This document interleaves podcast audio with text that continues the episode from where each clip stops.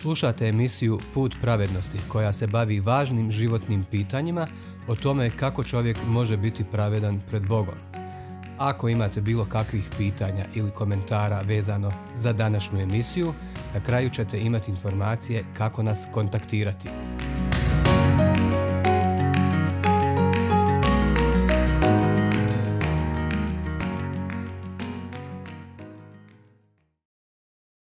Božje srce Luka 18 i 15. U dosadašnjim proučavanjima, posebno proročkih spisa, vidjeli smo ključne istine o Bogu. Svet je, pravedan i ne trpi grijeh, ali milostiv je i dobar. To su predivne vijesti za sve nas, jer smo zbog grešnosti u očajničkoj potrebi za njegovim pomilovanjem. Buntovni smo i nesveti, Grijesi su nas odvojili od Boga i zauvijek će nas osuditi ukoliko ne prihvatimo njegovo rješenje. Milost oproštenja. Elem danas u tom smislu proučavamo dvije priče. Dvije parabole koje je gospod Isus ispričao mnoštvu. One nas uče koliko je velika njegova milost koja mu ispunjava srce. Uči nas kako je grešnici mogu primiti. Prva parabola je o dvojici ljudi, o jednom koji je primio božansku milost i o drugom koji nije.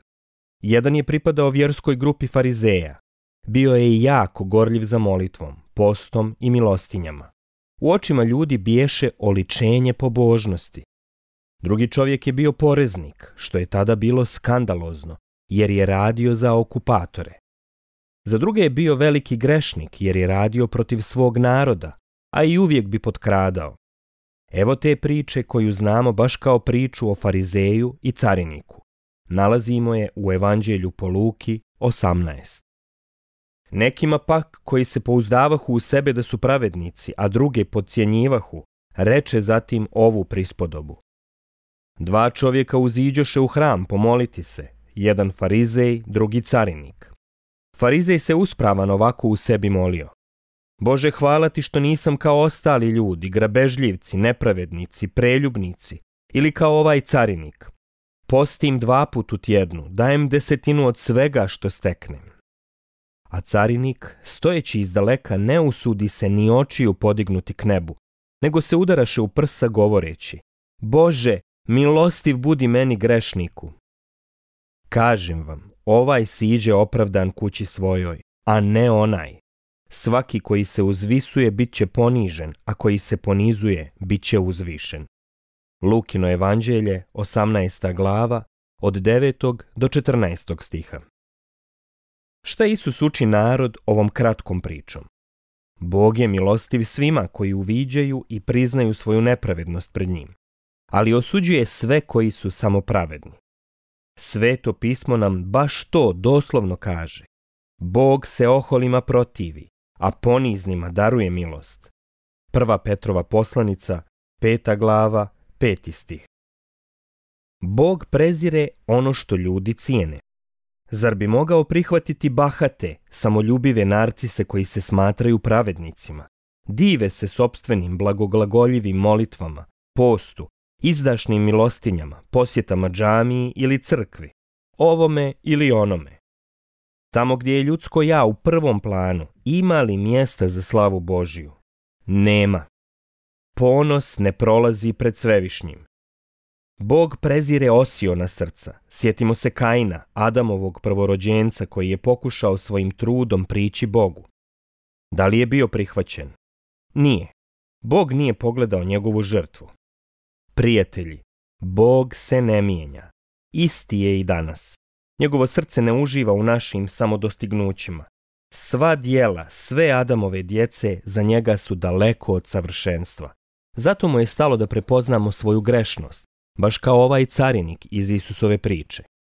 Molio se, Bože, milostiv budi meni grešnome. To je srce koje Bog voli i kome se raduje.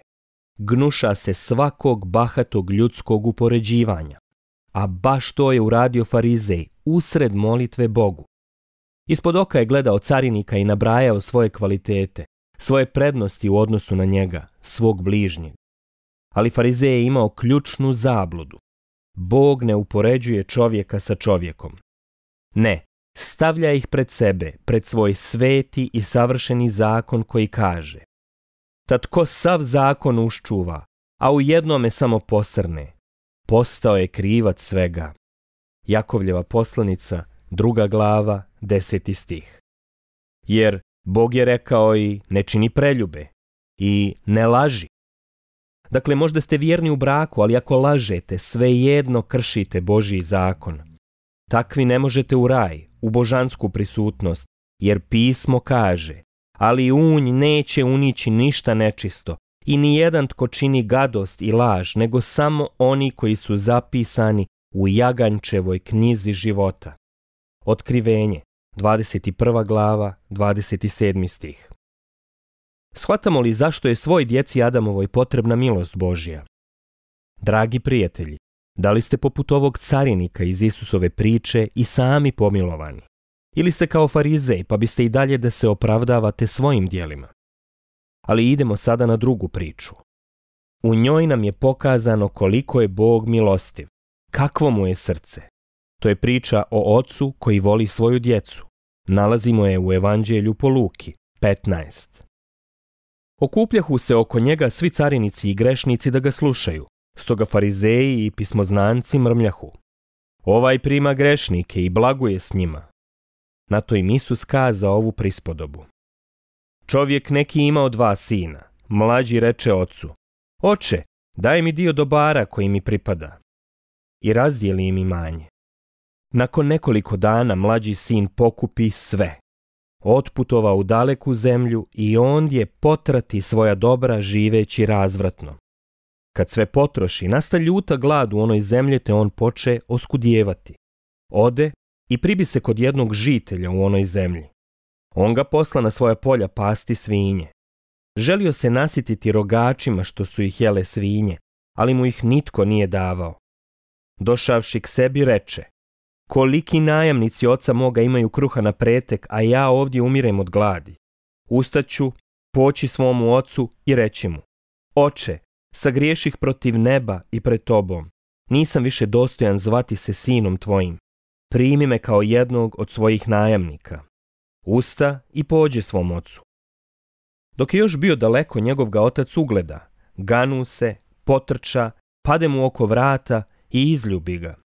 A sin će mu, Oče, sagriješih protiv neba i pred tobom, nisam više dostojan zvati se sinom tvojim.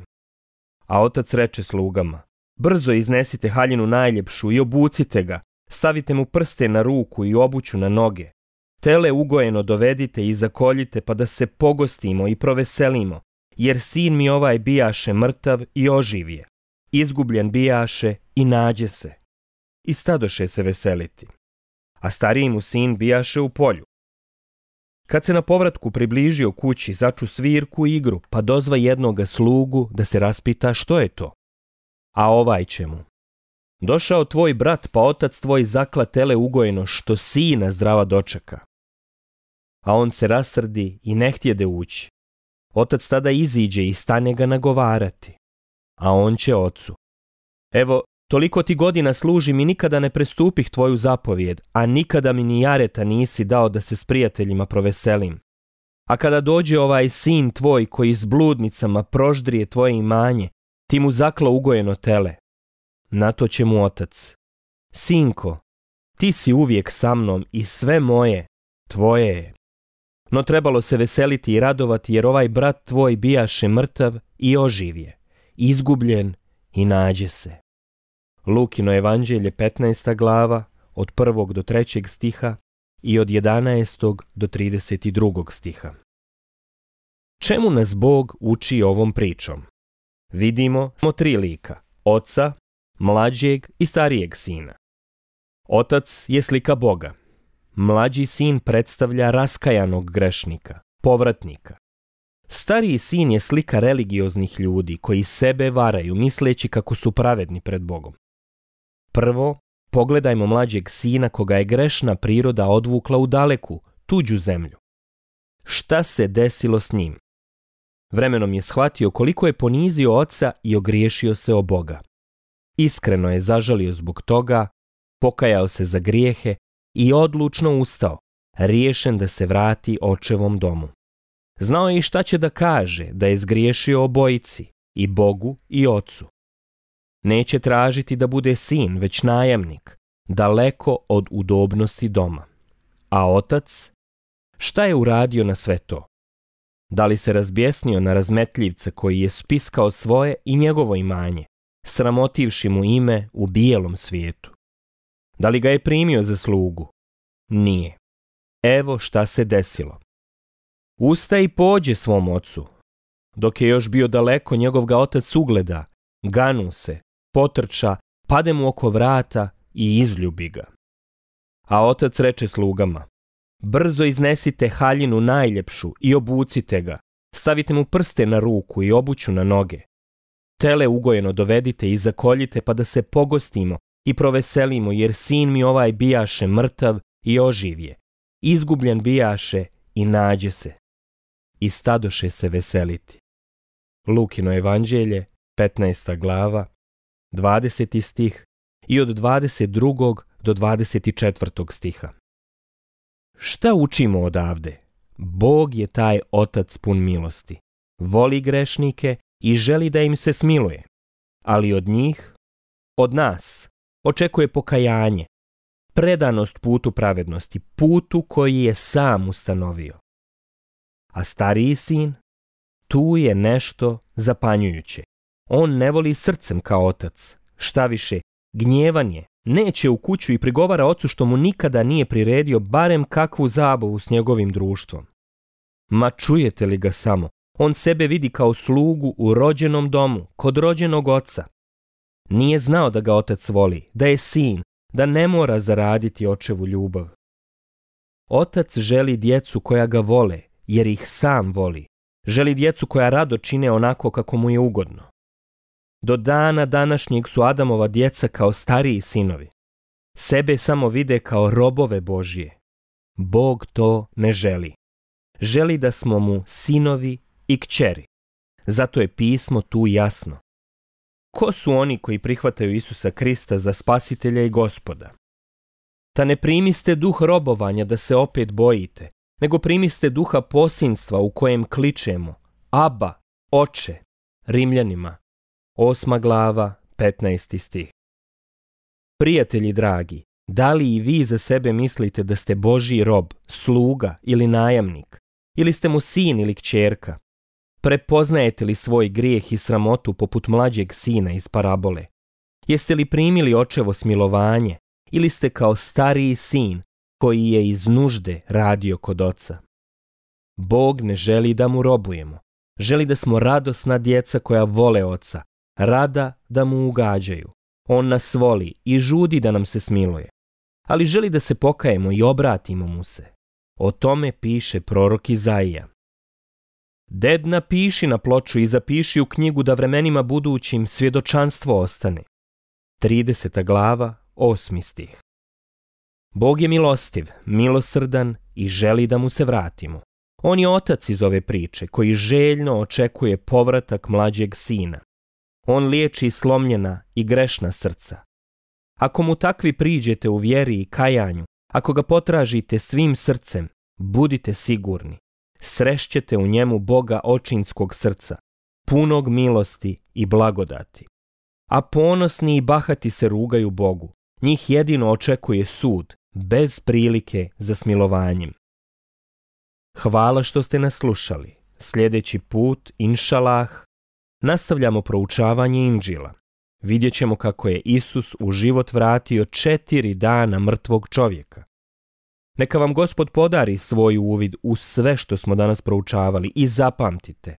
Bog se oholima protivi, a poniznima daruje milost. Prva Petrova poslanica, peta glava, peti stih.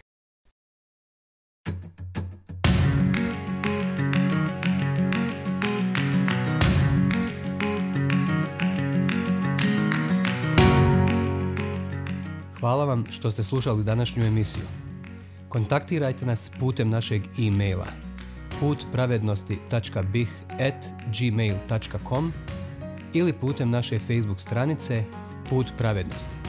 Do sljedećeg slušanja.